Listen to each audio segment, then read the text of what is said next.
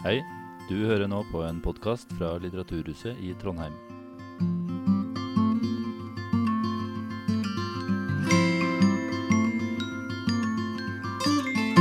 Hei og velkommen til debatt i P2. Temaet er norsk produksjon av legemidler og antibiotika. Mitt navn er Jan Markus Johannessen, og jeg er ordstyrer for denne debatten, som er et samarbeid mellom Litteraturhuset i Trondheim og Digitalt Liv. Verdens helseorganisasjon regner i dag økningen av antibiotikaresistente bakterier som en av verdens største helseutfordringer. Men samtidig som vi står overfor denne trusselen, satser ikke legemiddelindustrien på å utvikle nye antibiotika fordi gevinsten er for lav. Store offentlige midler blir investert i forskning for å utvikle nye antibiotika.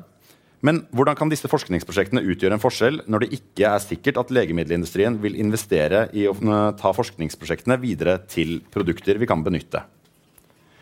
Myndighetene i Norge utreder nå å produsere antibiotika selv. Men er statlig legemiddelproduksjon veien å gå?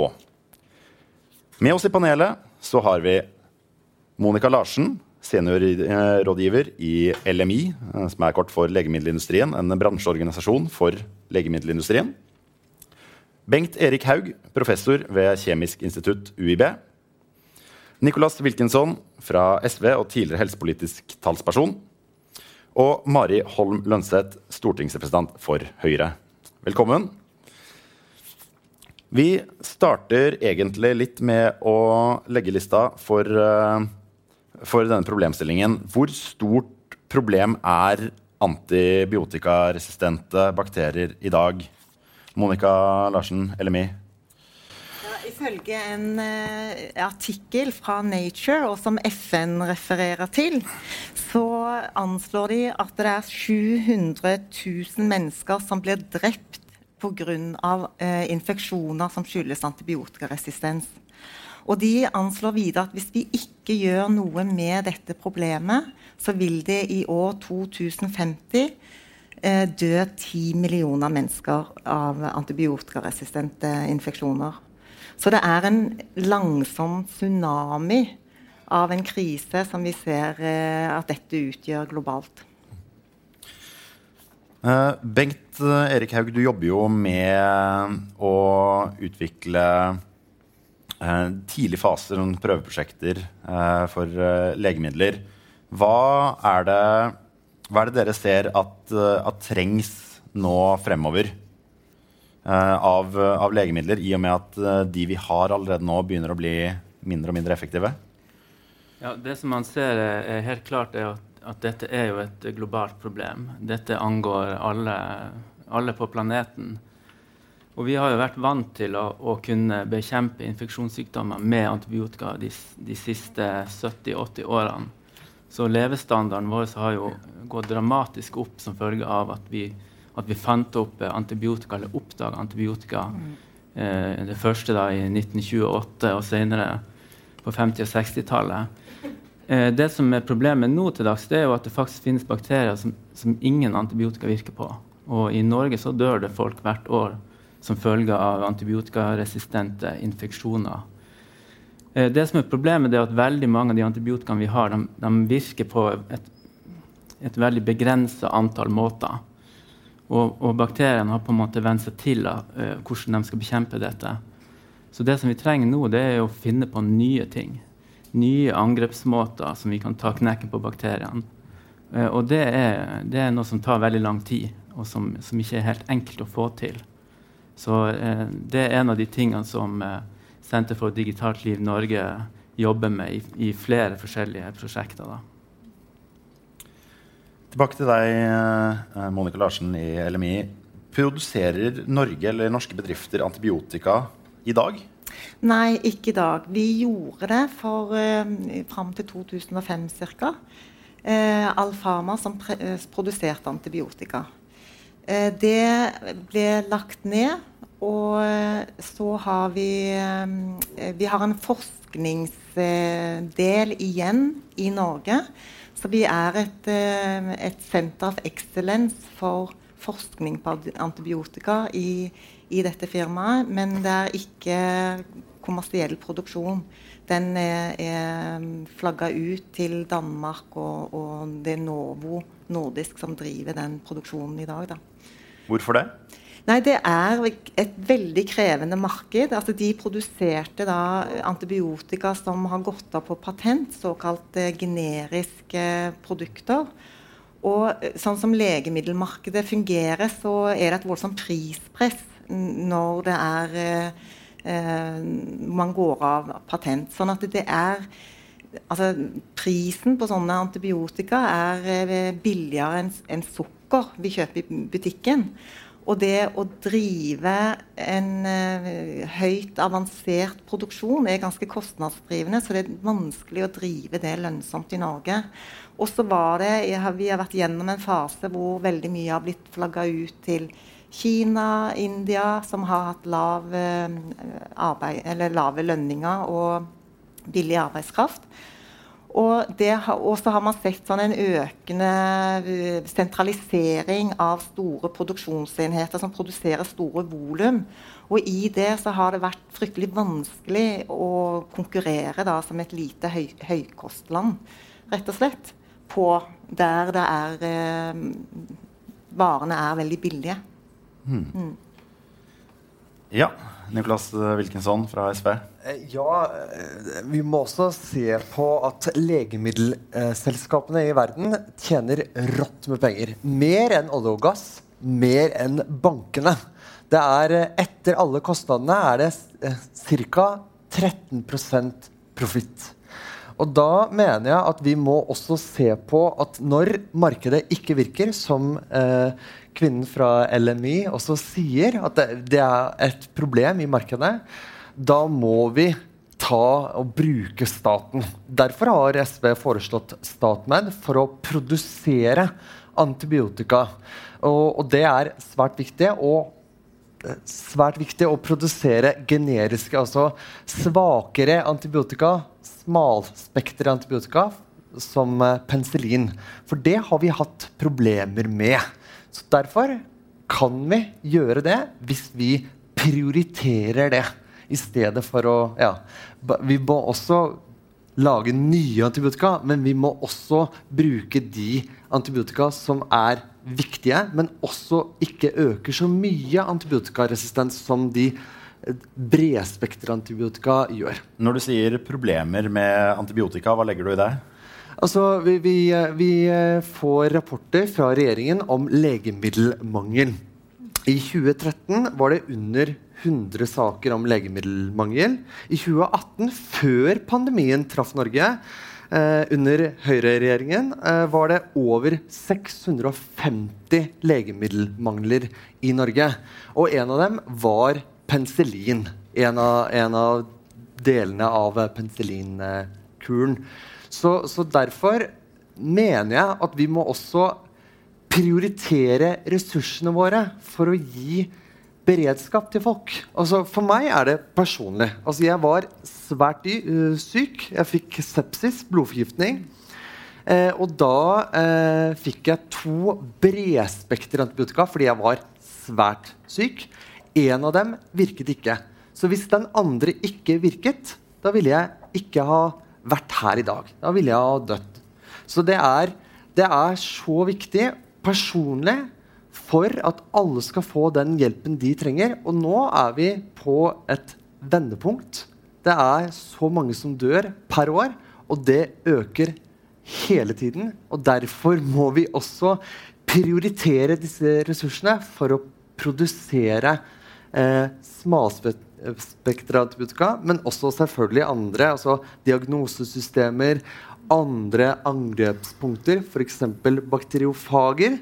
Eh, så det er mange ting som vi skal gjøre. Men viktig at vi også produserer antibiotika i Norge, som SV har foreslått. Mari Holm eh, Lønseth, Høyre. Ja, først er det jo bare viktig å slå fast at vi er helt enige og det er jo veldig bra, om at antibiotikaresistens er et stort, ikke bare nasjonalt, men et globalt problem. Og det er en trussel for den globale helsa, både for folkehelsa, for dyrevelferd og egentlig for ja, for folkehelsa også fremover. det er jo ikke uten grunn at det er noen som også har sagt at man for kanskje er mer bekymra for egentlig antibiotikaresistens enn korona. Det er kanskje litt å sette det på spissen, men samtidig så er jo det noe som kan gjøre at det kan komme ganske mange dødsfall frem i tid av ting som vi i dag anser som helt elementært at blir egentlig kurert med, med en enkel, enkel, pille. Men det blir også litt sånn som klimakrisa, at her trenger man også global handling. Vi må faktisk jobbe sammen internasjonalt hvis man skal klare å løse de her problemene. Og da tror jeg at Nicolas fra SV også hopper litt, litt kjapt ned i puddingen eh, når han sier at altså, løsningen her er statlig eh, legemiddelselskap som bare skal produsere det her. Eh, jeg mener at Vi godt kan se på hvordan man også kan få produsert her i Norge, men jeg mener at også noe av det viktigste er at vi sikrer tilgang på det i Norge. Eh, som sikrer at vi får tilgang på det. Og da kan det godt være at det er i Danmark Eh, eller også andre steder også kan produseres. Men det er selvfølgelig utrolig viktig at vi sikrer oss at vi har det her også smalspektra antibiotika som vi snakker om. Og det som er utfordringa, er jo det at i mange andre land så bruker de jo jevnt over bredspektra. Så vi er egentlig et lite marked som skal ha det. Eller som Vi skulle jo gjerne ønske at det var flere som også brukte smalspektra, sånn at man fikk bedre kanskje tilpasset behandling. Men det gjør også at markedet er lite. Men det gjør at vi også kanskje må tenke nordisk samarbeid i større grad enn hva vi gjør i dag. Og det syns jeg er veldig interessant å se på. Men jeg tror ikke at det er et statlig legemiddelselskap som kommer til å løse dette globale problemet. Uh, Bengt? Ja, jeg vil bare plukke opp at Norge har jo vært forskåna for den aller verste antibiotikaresistensen. Det er jo eh, i sammenligna med veldig mange andre land et relativt eh, beskjedent problem foreløpig. Eh, det som kanskje er utfordringa for Norge og også de, flere av de nordiske landene, det er jo at vi bruker mange, flere typer penicilliner som veldig få andre land faktisk har bruk for i dag. For de virker ikke lenger. Da er det snakk om uh, disse smalspektrede uh, antibiotikaene? Ja. Uh, for eksempel, så Et av de mest forskrevne antibiotikaene i 2020 i, i Norge Eh, det er to typer penicilliner som, som, nesten ikke brukes i noen andre land. Hvorfor ikke det? Eh, fordi de virker ikke lenger. Fordi de har fått resistente bakterier. Og da er det ikke så interessant for andre land å, å produsere disse. da. Eh, og i hvert fall ikke for en, en, stor bedrift som kan produsere noe annet og tjene mer på det. Nå, hvis vi bruker disse smalspektrede antibiotikaene eh, som er vanskelig å få tak i, kan vi ikke heller bare bruke noen som er enklere å få tak i. Hvorfor bruker vi disse litt sånn sære smalspektrede antibiotikaene som ikke så mange andre gidder? Eh, Monica Larsen, LMI? Ja, eh, vi har jo eh, hatt en veldig vellykka antibiotikapolitikk i Norge og i Norden. Eh, som du sier her, så, så er det eh, antibiotika vi kan bruke, penicilliner vi kan bruke i Norge i dag, som ikke virker i andre land. Og, eh, og, når vi skal adressere dette problemet som du skisserte i starten her, eh, så må vi ha to tanker i hodet på en gang. For det ene handler om at vi skal være restriktive i vår bruk, sånn at vi kan bruke de eh, smalspektra antibiotikaene og ha de bredspektra og nye antibiotikaene i reserve. Hvis, når, når, de smalspektra ikke virker lenger, så har vi fremdeles mange antibiotika å bruke som kan, vi kan ha effekt av. Så vi har liksom en buffer. ikke sant? Men det å opprettholde den strategien når det ikke er interessant å produsere de antibiotikaene lenger, og, og hvordan vi skal få tak i de smalspektra antibiotikaene, det er én del. Og den andre delen er eh, noe som man også var inne på her, at eh, etter hvert som man globalt får flere resistente bakterier, så er man nødt til å komme opp med nye, en strategi for å få nye angrepspunkter. Og litt av dilemmaet med å få fram de, er jo at det nye vi skal utvikle, det skal jo ikke brukes.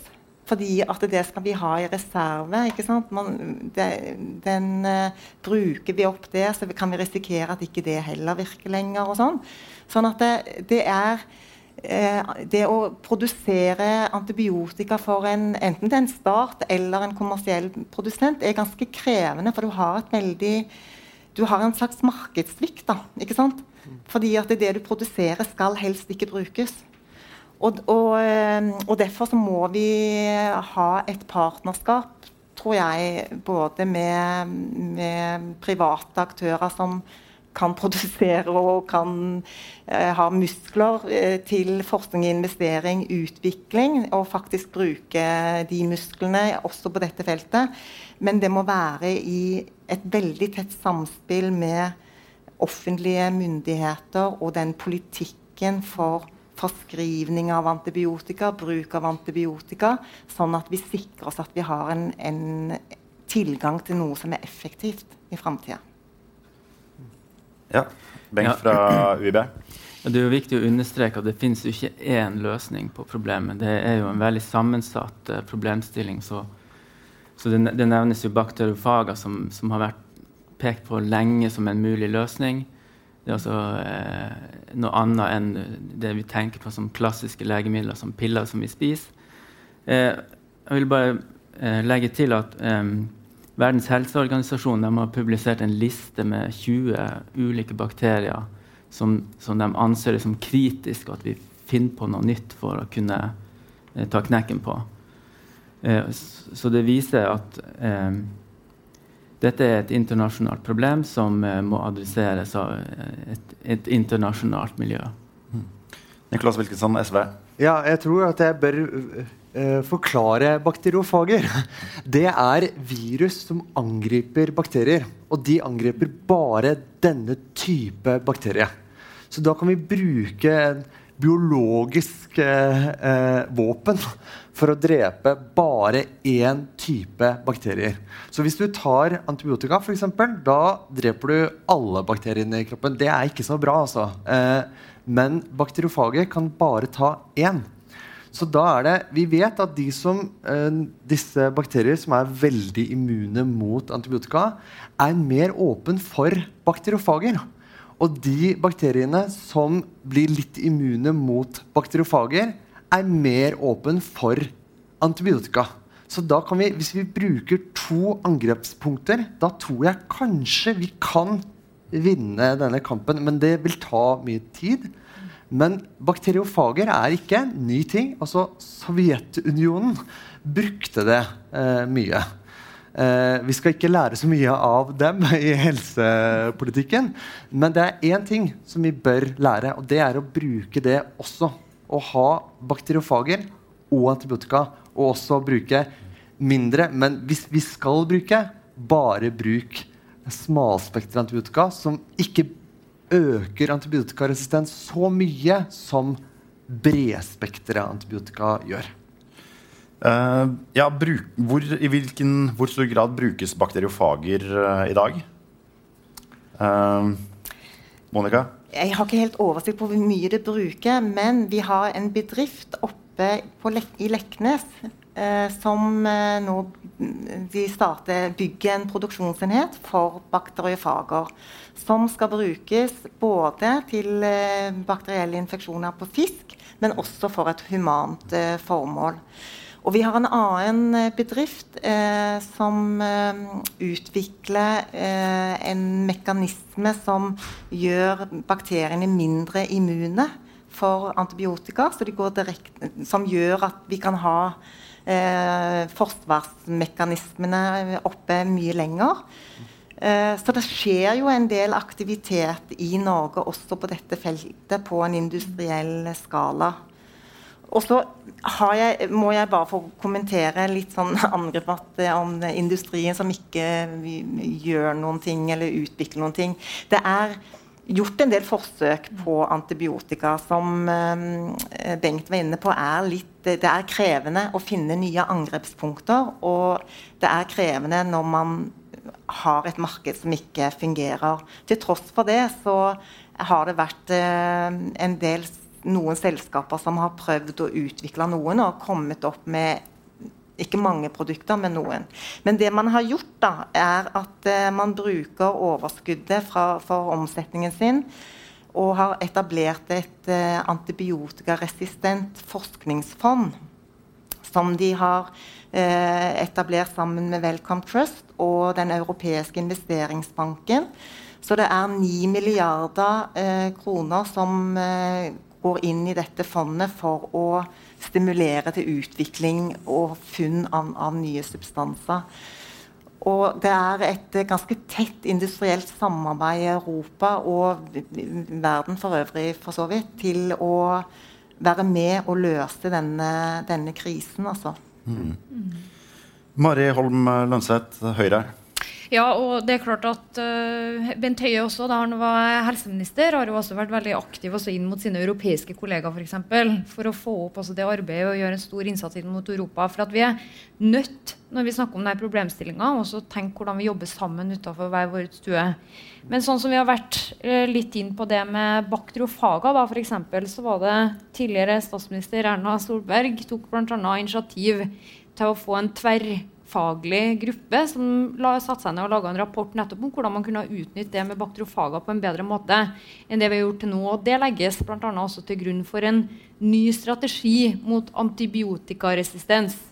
Vi har jo styrt på en strategi mot antibiotikaresistens, men den må fornyes, og den trenger et nytt kunnskapsgrunnlag. Mm. Eh, og Der er det også selvfølgelig utrolig viktig at man jobber sammen for å finne de kunnskapshullene som er. Og Da hjelper det ikke å se på helsesektoren. Eh, man må se på det som vi er inne på med fisk, havbruk. Man er nødt til å se på landbruk, eh, altså dyrehold, eh, diverse, eh, for å få, få, gjort en, en, bedre For å få et enda bedre grunnlag for å ha en enda mer målretta politikk fremover.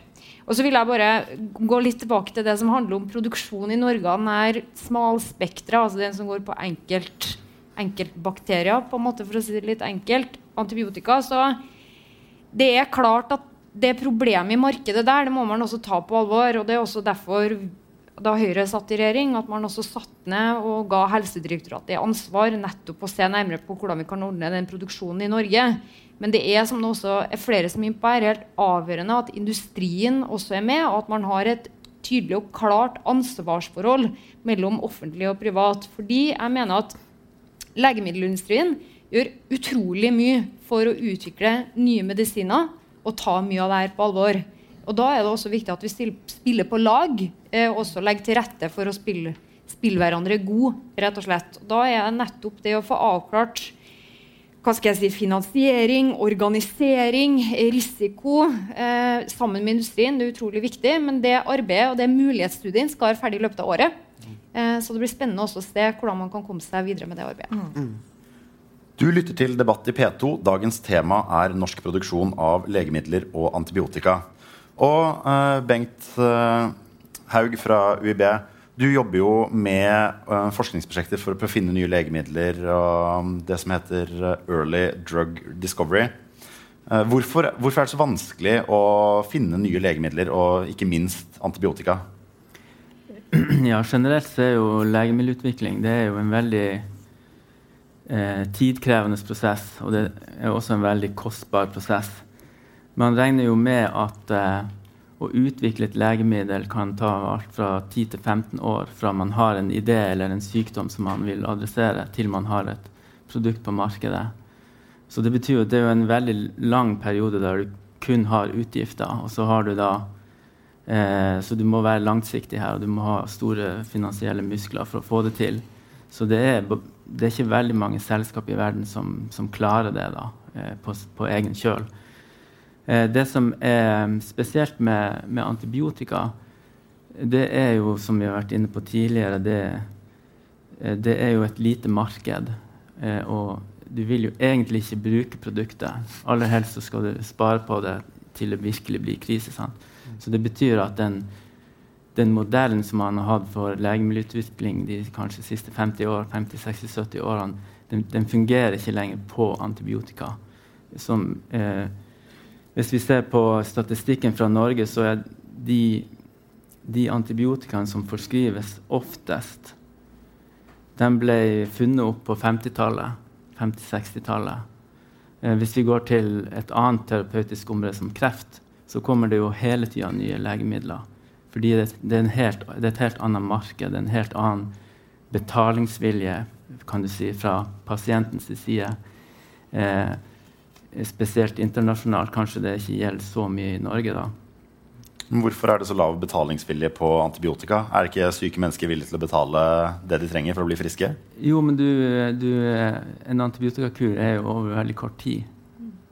Kanskje 10, 10 dager, 14 dager, og så er du kurert. Så da er det jo ikke en kunde lenger, for å si det litt på spissen. Så det betyr at selskaper ofte unngår dette, da, og spesielt fordi det er så vanskelig. Og det er nesten helt umulig å unngå resistensutvikling. Bakterien vinner til slutt uansett. Så det som vi må gjøre, det er jo da å ha mange alternativer som kan brukes, og så bruke de riktige til riktig tid på riktig plass. Og så spare på noen av dem. Eh, og, og, Det er jo også noe som har kommet i de siste årene, det her med, med noe som man kaller for ett helseperspektivet. Der vi må, vi må se menneskelig bruk av antibiotika i sammenheng med det som skjer både i akvakultur og i landbruket. Det, det er jo vist at eh, eh, Det var et studie fra Nederland der de så på antibiotikabruk i kyllingproduksjon. Og når den gikk opp, så gikk eh, insidens av resistens for samme type antibiotika opp hos mennesker. Når de slutta å bruke det antibiotika i kyllingproduksjon, så ble det færre tilfeller av resistent også hos mennesker. Så bakteriene er jo ganske opportunistiske. Hvis de ikke trenger å være resistent, så kvitter de seg med resistensgenene. Så det er liksom en sånn uh, stillingskrig. Mm. Nicholas Wilkinson, SV. Ja, du, du, startet litt med landbruket og kyllinger. Og det er et veldig viktig punkt i uh, kampen om antibiotikaresistens. Fordi vi i Norge bruker veldig lite antibiotika i landbruket. Men vi importerer kjøtt fra Danmark, Spania, andre deler av Europa. Og de mater dyrene med antibiotika. Og det, altså Vi vet at eh, størstedelen av antibiotika blir brukt i landbruket, ikke til mennesker. Eh, og det, altså antibiotikaresistens, smitter over til mennesker, som han har sagt nå. Og Derfor er det så viktig at vi importerer mindre. Eh, vi foreslo at all eh, produkter, altså landbruksprodukter, da skal det stå hvor mye antibiotika som har blitt brukt for å lage den, denne biffen, f.eks. Det fikk eh, SV ikke flertall for. Eh, jeg håper kanskje den nye regjeringen vil støtte det. For det er viktig at folk forstår at når du spiser en, en biff fra Spania, f.eks., det kan også ødelegge hele helsevesenet når disse bakteriene ikke virker. F.eks. hvis du får et sår i hånda eller eh, en stor operasjon, f.eks. keisersnitt Hvis vi ikke har antibiotika, da kan du også dø av det. Vi har glemt hvor viktig antibiotika er. Det er grunnmuren for hele helsevesenet. Mm. Mari, Høyre. Ja, jeg, jeg synes jo for det første Det er stor grunn til å gi mye honnør til mange av dem i Norge også innen landbruket som går foran for å kutte den eh, antibiotikabruken som de har. Det synes jeg er kjempebra. Du skal ikke veldig langt utenfor Trondheim før du kommer til et nytt oppdrettsanlegg for kylling for eksempel, på Orkanger, eh, hvor de også jobber veldig aktivt med det. Men jeg mener at nettopp det eksempelet Nicolas fra SV nå tar opp om at det her handler om også import, viser at altså en, du kan jo si En av løsningene er jo å merke det. Ok, greit. Men hvor mye problem løser egentlig det? Jeg mener at Det viktigste tiltaket du kan gjøre for å få til det der, er jo å få ned bruken av antibiotika også i de andre landene i deres landbruksproduksjon. Enig. Det er jo det som må være vårt umiddelbare og viktigste mål. Mm. Eh, og Det er også derfor jeg mener at noe av det viktigste vi kan gjøre for å ta tak i en problemstilling her, det er å ha et mye tettere samarbeid med andre land. Vi må ha et tettere samarbeid og sette det mer på dagsordenen også når vi møter våre kollegaer i Europa, eh, i FN-systemet sånn som vi allerede har eh, gjort da Høyre satt i regjering. Jeg håper jo virkelig at eh, Ingvild Kjerkol vil ta over arven etter Bent Høie og fortsette egentlig å ta opp det her i de viktige FN-fora f.eks. Ta opp det her når han også snakker, eller hun da, snakker uformelt med sine kollegaer i, i Europa. For jeg tror at det er noe av det, den bevisstheten også internasjonalt, er viktig for å få bukt med det problemet. Nicolas SV. Uh, ja, jeg er enig. Det er viktig å snakke om det. Men dette er et problem i politikken. At folk sier vi må ta det til dagsorden. Hva er det? Altså, Vi har snakket om antibiotikaresistens i mange, mange, mange år. Og det er verre og verre og verre. Derfor mener jeg og SV at vi må fremme konkrete løsninger. F.eks. diagnosesystemer på sykehus, som SV har prioritert i budsjettet. Vi har foreslått Statmed for å produsere smalspektra antibiotika. Vi skal merke import av kjøtt. Altså, vi vil gjerne ikke være i EØS. Da kan vi også ikke importere så mye kjøtt. Men, men vi må prøve å finne konkrete løsninger. Og da er det Problemet er at alle snakker om det. Vi må ha konkrete løsninger, og det har vi fremmet. Så jeg håper kanskje at Høyre altså Jeg er enig, vi skal også snakke med de andre. Og jeg tror at Bent Høie, Solberg, har snakket om det og har god, eh, gode mål. Men vi må også ha konkrete løsninger. Monica Larsen, eh, LMI. Ja, jeg er helt enig at vi må være konkrete. Og jeg synes egentlig at vi har en veldig konkret og god antibiotikastrategi i Norge. Mm. Det handler om at vi skal uh, være veldig restriktive i forskrivning. Eh, det handler om at vi skal ha god diagnostikk, sånn at vi forskriver riktige antibiotika til riktig bakterie. Eh, det handler om at vi eh, også skal ta i bruk andre insentiver, f.eks. vaksinasjon, for å forebygge, få ned antibiotikabruken. Så det liksom, man forebygger betennelser. Og når det gjelder vaksinasjon, så har jo norsk fiskeoppdrett er jo en suksesshistorie. Det var et problem med fiskeoppdretten at man pøste på med antibiotika ut i havet, og som gjøres i veldig mange land eh, som driver med fiskeoppdrett. Mens i Norge har vi fått ned den antibiotikabruken med 90 Uh, og det er mye mindre nå, til tross at vi har økt volumet av fiskeproduksjon betydelig, fordi vi vaksinerer fisken mot infeksjoner istedenfor å bruke antibiotika og behandle det. Og det prinsippet er eh, altså det en strategi også i human antibiotikabruk at vi har eh, barnevaksinasjonsprogram, voksenvaksinasjonsprogram, at vi er flinke også til å forebygge infeksjon. Så, så, alt det er jo tiltak som gjør at vi skal eh, på en måte være i den gode posisjonen vi er i når det gjelder antibiotika. Og så må vi ha en strategi som gjør at vi, vi sikrer tilgang til den smalspektra antibiotikaen, sånn at vi eh, kan liksom ha denne politikken vi har, lengst mulig. Så jeg bare tenker Det er veld, veldig viktig at vi rydder debatten om at det er en én ting som handler om at vi skal liksom, ha den politikken vi har i dag, og den bruken vi har i dag, lengst mulig. Og så må vi faktisk også ha en annen strategi for framtida. For vi lever i en global verden hvor vi reiser vi, altså Antibiotikaresistens vil det presset vil komme mer og mer til Norge også, og, og vi er nødt til å være med på den eh, holdt på å si, tilrettelegge for den eh, resistensbølga som også kommer. Mm. Så vi må gjøre begge deler. Mm. For Det høres jo ut her som de aller fleste, eller hele panelet er enige om at uh, den politikken Norge fører på bruk av antibiotika i dag, er eh, veldig god. Men som du sier, da, så er det jo det, det er smittetrykk, og de meste av antibiotikaresistente bakterier kommer fra utlandet. Og hva er uh, Mari, hva er hva burde vi gjøre der når, når det først uh, er uh, er ute, og vi har, uh, har fått antibiotikaresistente bakterier? Hvem er det som har ansvaret for at vi har løsningen når vi kommer dit? Det er noe et samarbeid jeg tenker vi må ta også sammen. Men det er jo selvfølgelig et offentlig ansvar å sørge for at man har en god helsetjeneste og prøve å legge til rette for at vi også kommer oss den veien. Men jeg tror nok at vi ikke nødvendigvis trenger å tegne det bildet at vi er der liksom allerede nå og tegne det bildet med en gang. Det er mange ting vi også kan gjøre før vi også kommer oss dit. Og jeg mener jo at altså det er sånn Nicolas sier, at man må gjøre noe mer enn å sette på dagsorden. Og det er sånn som ofte politikere sier hvis man bare ikke er enige om tiltak. Da. Det er sånn klassisk uh, greie. Men jeg mener jo at noe av det vi kan uh, bør gjøre for å begrense det problemet her, også internasjonalt f.eks., det er jo å begrense utslippet av antibiotika.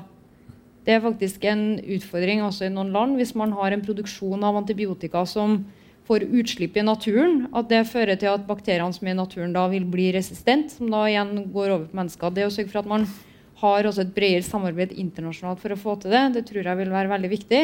Samtidig som vi fortsetter også å forske på nye former for antibiotika.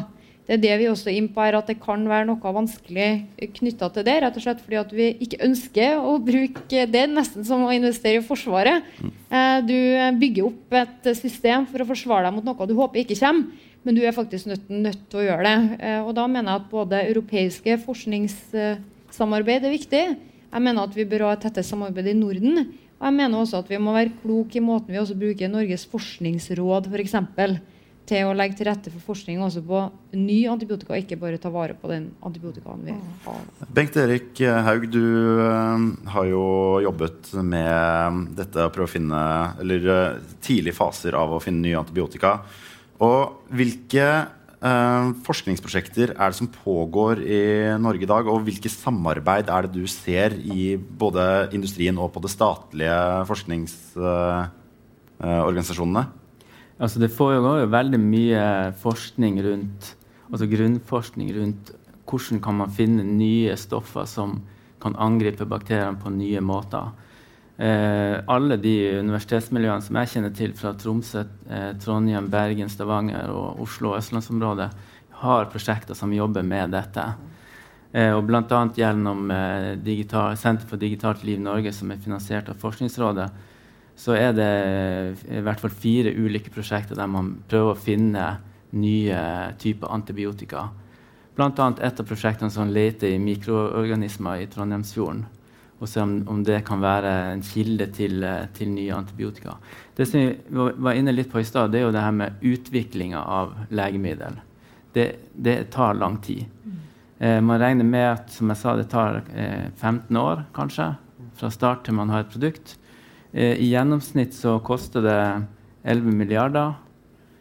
Eh, det var et, studie fra, eh, fra, i fjor der de hadde gått gjennom statistikk fra de siste fem årene i USA da, på hva koster det å utvikle et legemiddel.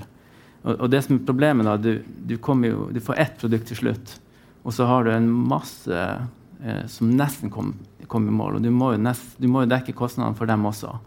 Og det er det som gjør det så vanskelig. Eh, fordi det er veldig høye krav til sikkerhet på et legemiddel. Det er ganske komplisert å finne frem til stoffet som skal, som skal ha aktiviteten. Man skal gjennom det som kalles for uh, tidlig faseutvikling. Man, det, det, er det vi jobber med på universitetet. Eh, der man prøver å finne et stoff som skal virke på et angrepsmål i bakterien. Det er en biokjemisk prosess i bakterien som man kanskje prøver å stoppe. F.eks. Eh, de stoffene vi snakka om i stad, som er penicilliner, de påvirker eh, bakterien sin evne til å lage cellevegg. Og har den ikke cellevegg, så dør den.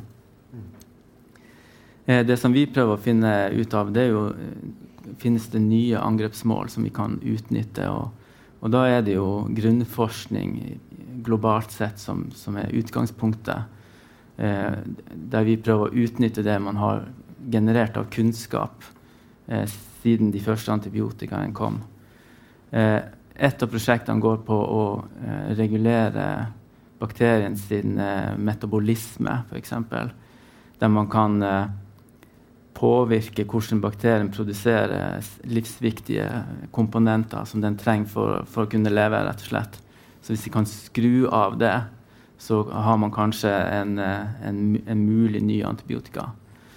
Eh, så hvis vi da klarer å komme frem til et stoff som, som faktisk tar livet av bakterien, da, så er jo ikke det nok. Den skal jo også ikke ta livet av pasienten. Eh, og det kan jo være vanskelig. Den skal også kunne komme seg inn i pasienten der den skal virke. Eh, vi kjenner jo til veldig mye antibiotika tas jo som en tablett fordi det er pasientvennlig. Og du, kan, du slipper å ligge på sykehus for å få det. Og da skal jo det stoffet skal komme ned gjennom mage-tarmsystemet, som overhodet ikke er designa for å ta opp antibiotika, det er jo designa for å ta opp mat. Så det skal komme seg inn i blodsystemet vårt, og så skal det transporteres rundt i kroppen til den plassen det skal virke. Og så skal det komme seg inn i bakterien. Og det er enda vanskeligere enn å komme seg inn i, i kroppen vår. Så der er jo også da, der grunnforskninga kan bidra til å øke forståelsen av hvordan skal de her stoffene se ut for å faktisk komme seg inn i bakterien. Bakterien er ekspert på å sparke ut stoffer som er, som er fremmed. Eh, de tas inn i bakterien, og så har den uttrykt spesial, spesialiserte proteiner for å kaste dem ut igjen. Og, og, det er et av de største problemene nå. Og vår forståelse av hvordan skal faktisk et antibiotika se ut for å komme seg inn i bakterien. Monica Larsen, du eh, er jo seniorrådgiver i LMI. og Hvor viktig er denne grunnforskningen for legemiddelindustrien? Ja, Den er helt avgjørende. Eh, så altså, industrien har store forskningsenheter selv. Du nevnte jo dette kjempestore fondet på 9 milliarder ja. hvor de skulle forske på antibiotika. Men, men uh, modellen uh, i moderne legemiddelutvikling i dag er jo et veldig tett samarbeid med akademia. Eller det har det egentlig alltid vært. sånn at det uh, gode ideene, eller den grunnforskningen, det er basisen for eh, ny legemiddelutvikling. Og det å ha et samarbeid mellom som du sier, denne lange verdikjeden om å få stoffet formulert eller få en riktig form på det, sånn at det kan bli tatt opp av kroppen og alle disse tingene. Det er en ganske lang prosess da, som skal ha en kvalitetsstandard som vi aksepterer for mennesker. For vi putter ikke farlige ting inn i oss. Altså Det er veldig strengt regulert. da. Og jeg sitter med tall på sånn at det er en sånn prosess fra grunnforskning, eller fra tidlig faseforskning til ferdig produkt koster 1,5 milliarder dollar. Det er litt mer enn 11.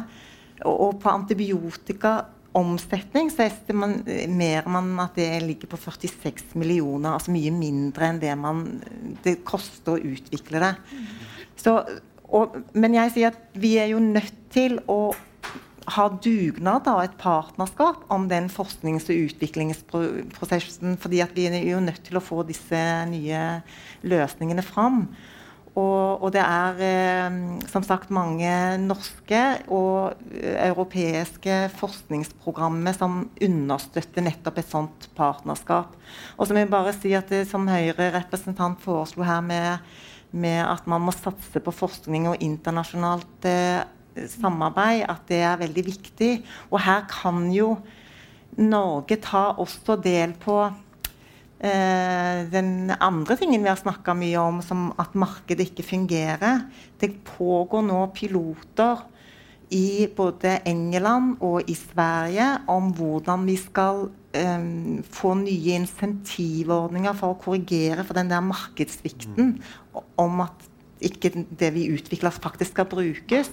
Og at man bruke liksom nye sånne helseøkonomiske mm. verdisettingsmodeller mm. som hensyntar et samfunnsbehov for altså Hvor mye er det å ha et effektivt antibiotika verdt? Hvilken samfunnskonsekvens har det? Alle de effektene regnes ikke inn i den de helseøkonomiske modellene vi bruker i dag. Sånn at det, det forskes det også på. Og der kan jo også Norge være med og, og mm, også ta et eh, nasjonalt ansvar, men også være en pådriver internasjonalt. Du lytter til debatt i P2. Dagens tema er norsk produksjon av legemidler og antibiotika. Og Uh, Mari Holm Lønseth fra Høyre, mm. du uh, hadde noe å si på dette her. Ja, jeg må bare si Det er veldig interessante refleksjoner til slutt. for jeg mener at Man må kanskje være åpen for å tenke litt annerledes på hvordan man da prissetter nødvendigvis alt dette her. Eller man kan finne andre kreative måter hvor det offentlige kan være en, en støttespiller. Uh, det er vel Israel mener jeg har en slags uh, leterefusjonsordning, sånn som vi i Norge kjenner fra oljeindustrien kanskje en mulighet for å gi fradrag på skatten for forskningsinnsatsen mot at staten også får noe patentinntekt. Altså, det må gå an til å tenke seg noen kreative måter å, å løse det på. For det som flere av oss har vært inn på, at det er ikke nødvendigvis godt nok prissatt sånn som det fungerer i dag.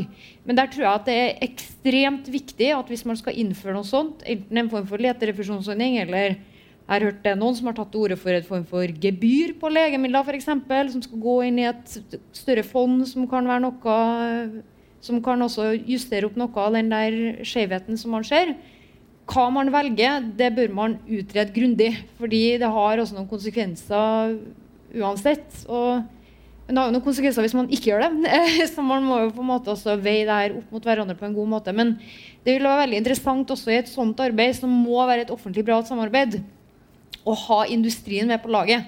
For jeg tror også det er avgjørende for å lykkes med å drive frem det her både nasjonalt, men også internasjonalt. Så det blir spennende. Og jeg håper det også kan være noe som den nye regjeringa kan ta fatt i. Det er jo to elementer her um, i den debatten. Det ene er jo hvorvidt Norge skal ha et statlig legemiddelproduksjonsselskap um, som lager f.eks. smalsprekket antibiotika. Uh, den andre er også om dette statlige uh, legemiddelproduksjonsselskapet også skal drive med utvikling av nye uh, antibiotika, som er veldig kostbart, som du har understreket, Monica. Nicolas, eh, hvordan stiller SV seg til begge disse forskjellige problemstillingene? Det er SV som har fremmet disse forslagene på Stortinget. Eh, vi mener at vi skal ha StatMed. Det er viktig å produsere smalspektre antibiotika i Norge. fordi det er nesten ingen andre land som bruker det. Vi bør samarbeide med Norden, som også bruker det. Som vi har foreslått. Da var det bare Rødt og Rødt som støttet det. Jeg håper kanskje at de andre partiene vil tenke på det en gang til. Men den andre, for å produsere og lage nye eh, antibiotika i Norge alene, det er jeg ikke for. Det er fordi det vil koste så mye penger, så mye kunnskap, at vi må samarbeide med andre land. Og da har vi snakket litt om disse finansielle eh, ordningene for at folk skal tjene litt penger. Fordi de kan ikke selge denne medisinen, fordi vi bør ikke bruke det. For det vil ødelegge hele helsevesenet når det er enda mer antibiotikaresistens. Hvis denne nye antibiotikaen f.eks. brukes på kyllinggårder og yes. ja. Og hvis det er bredspektra, er det enda verre. Eh, og da, eh, da forstår jeg at legemiddelselskapene må selvfølgelig få litt penger for arbeidet de gjør. Og da er det to ordninger. Den ene er å, å, gi litt penger hele tiden for at de skal forske. Eller det andre er å bare lage en stor pott. At hvis de lager et ny eh, antibiotika, da får de hele potten. Eh, altså SV har ikke politikk på det, eh, og vi må ha en god utredning. Men jeg er mer for den siste. Fordi når vi bare gir penger til legemiddelselskapene, er jeg litt usikker på om Altså, jeg vet at det er dyktige folk, men jeg er litt usikker på om de vil eh, fullføre jobben. Eh, for da er det lettere hvis de får en pris, hvis de gjør hele jobben igjennom og får en ny antibiotika. Da, da må de jobbe for å bli ferdig. Så er, jeg er mer for det, fordi vi har brukt svært mye penger for å dele det ut til legemiddelselskapene. Eh, de tjener så mye penger, mer enn olje og gass, mer enn bankene. Og da mener jeg at vi må også ha litt kontroll, at staten har litt kontroll med våre skattepengene, enn at vi bare deler det ut. Mari Holm Lønseth, Høyre. Ja, jeg tror, jeg tror, det er en liksom forenkling hvis man tror at det er sånn at penger som går til legemiddelselskaper, er penger som staten har satt på bakken og bare venter på at noen skal plukke opp. Sånn eh, er det heldigvis ikke man forvalter skattebetalerne sine penger, og det tror jeg ingen er tilhengere for heller. Eh, og det er viktig at vi f.eks. gjennom Forskningsrådet, sykehusene bruker penger på det, legemiddelselskapene bruker egne penger på å utvikle nye medisiner. Og det tror jeg også er veldig, veldig bra, for at det også fører til mye innovasjon. Mm. Eh, og det er nettopp den innovasjonen også vi er nødt til å legge til rette for. Men det spørsmålet du egentlig stilte, var om vi får eller mot et statlig legemiddelselskap. Og jeg mener at det finnes utrolig mange private legemiddelselskap i dag. Eh, og det å sette inn et statlig selskap tror jeg, som også da skal gå inn til konkurrent til en ganske stor industri, det tror ikke jeg nødvendigvis det som vil fremme eh, legemiddelnæringa i Norge, kanskje heller hemme det. For vi har også, Det høres ut som det ikke er noen legemiddelselskap i Norge. Vi snakker om antibiotika, det er så sin sak, men det finnes jo også folk som produserer legemidler i Norge. Det mener jeg at vi fortsatt må legge til rette for. Og jeg mener at vi bør legge til rette for en økt produksjon i Norge, Norge og i Norden. Men det å legge til rette for økt produksjon er ikke det samme som et statlig eierskap. Da må vi heller se på hvordan vi legger til rette for det. Og det mener jeg at vi må gjøre i samarbeid med industrien, ikke nødvendigvis det å si at staten skal ta over ansvaret for å gjøre det sjøl. Niklas Wilkinson, SV. Uh, ja, SV er ikke enig. Fordi jeg mener at Høyre blander alle medisinene til én pott, altså bare legemidler. Jeg mener som jeg har sagt, at StatMed ikke skal være i konkurranse for å lage nye eh, medisiner. Det vil koste så mye penger, og det, det, er patenter. Det vil koste så mye penger å bare kjøpe det. Men det er de generiske medisinene som er av patentene. Altså, og det er problemet. Det er at de som de som lager det, de tjener ikke så mye penger. Og da, Det er ikke at legemiddelselskapene er onde. Eh, det er hele målet deres er å tjene penger. Og det forstår jeg. Og selvfølgelig prioriterer de de nye medisinene. fordi da kan de tjene mer penger. Så vi har store problemer med generiske medisiner, f.eks. penicillin. Mm. Og derfor mener Norge og SV eh, at vi bør prioritere å lage generiske medisiner, f.eks. penicillin, som vi har hatt problemer med. Så det er ikke konkurranse, fordi disse private selskapene vil ikke produsere det. Så, så Norge burde ha et statlig uh, legemiddelselskap som egentlig bare produserer medisiner man ikke tjener penger på? Uh, altså de, vi kan tjene penger på det, uh, men vi vil ikke tjene så mye penger enn nye medisiner. Og jeg mener at hvis vi har hatt StatMed i flere år, og da får vi mer kunnskap. Da kan vi starte med nye medisiner. Men det er eh, samme historie vi lærte fra Statoil. Nå er det Equinor. Eh, de var veldig små, og de eh, gjorde veldig vanlige, lette oppgaver.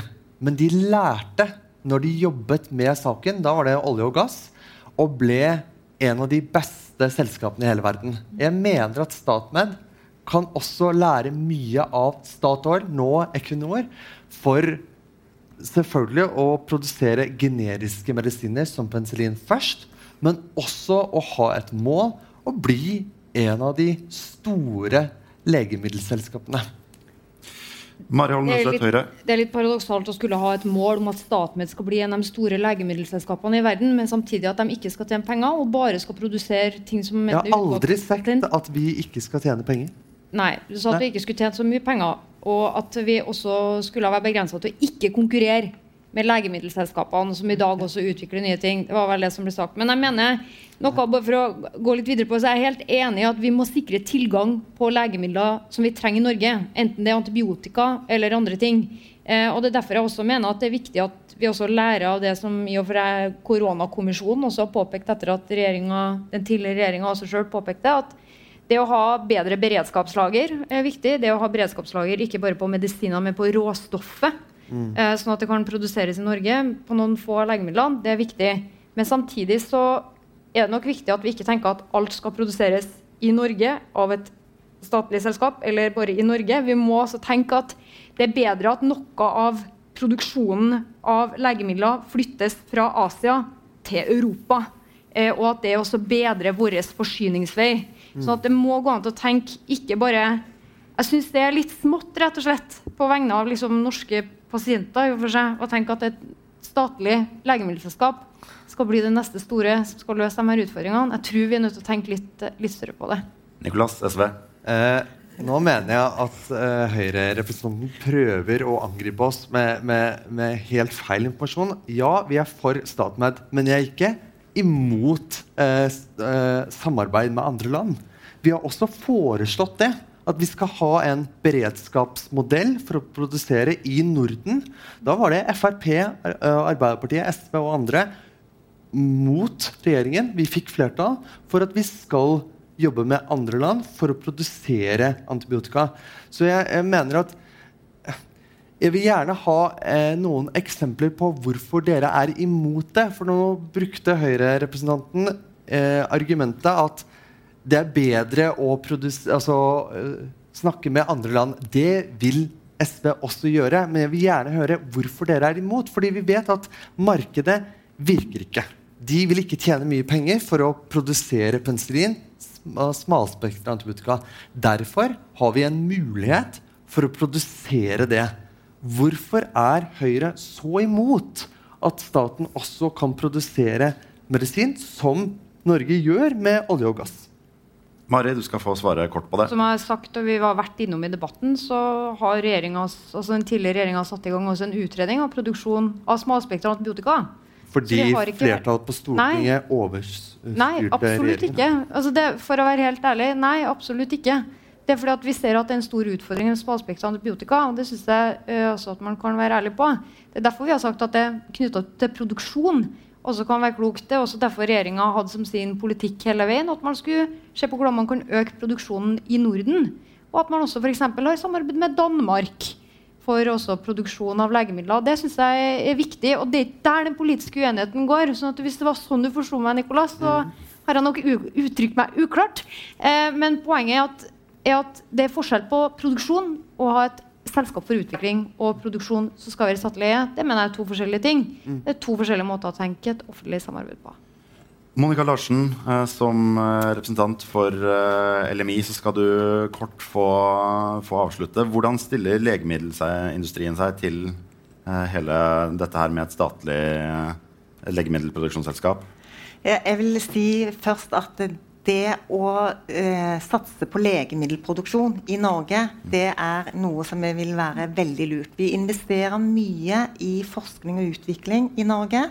Eh, vi har masse oppstartsselskaper, og det å ha infrastruktur for å skalere til eksport og skape arbeidsplasser, det er del, bør være en del av den sentrale næringspolitikken for Norge. Det vil også være nyttig beredskapsmessig.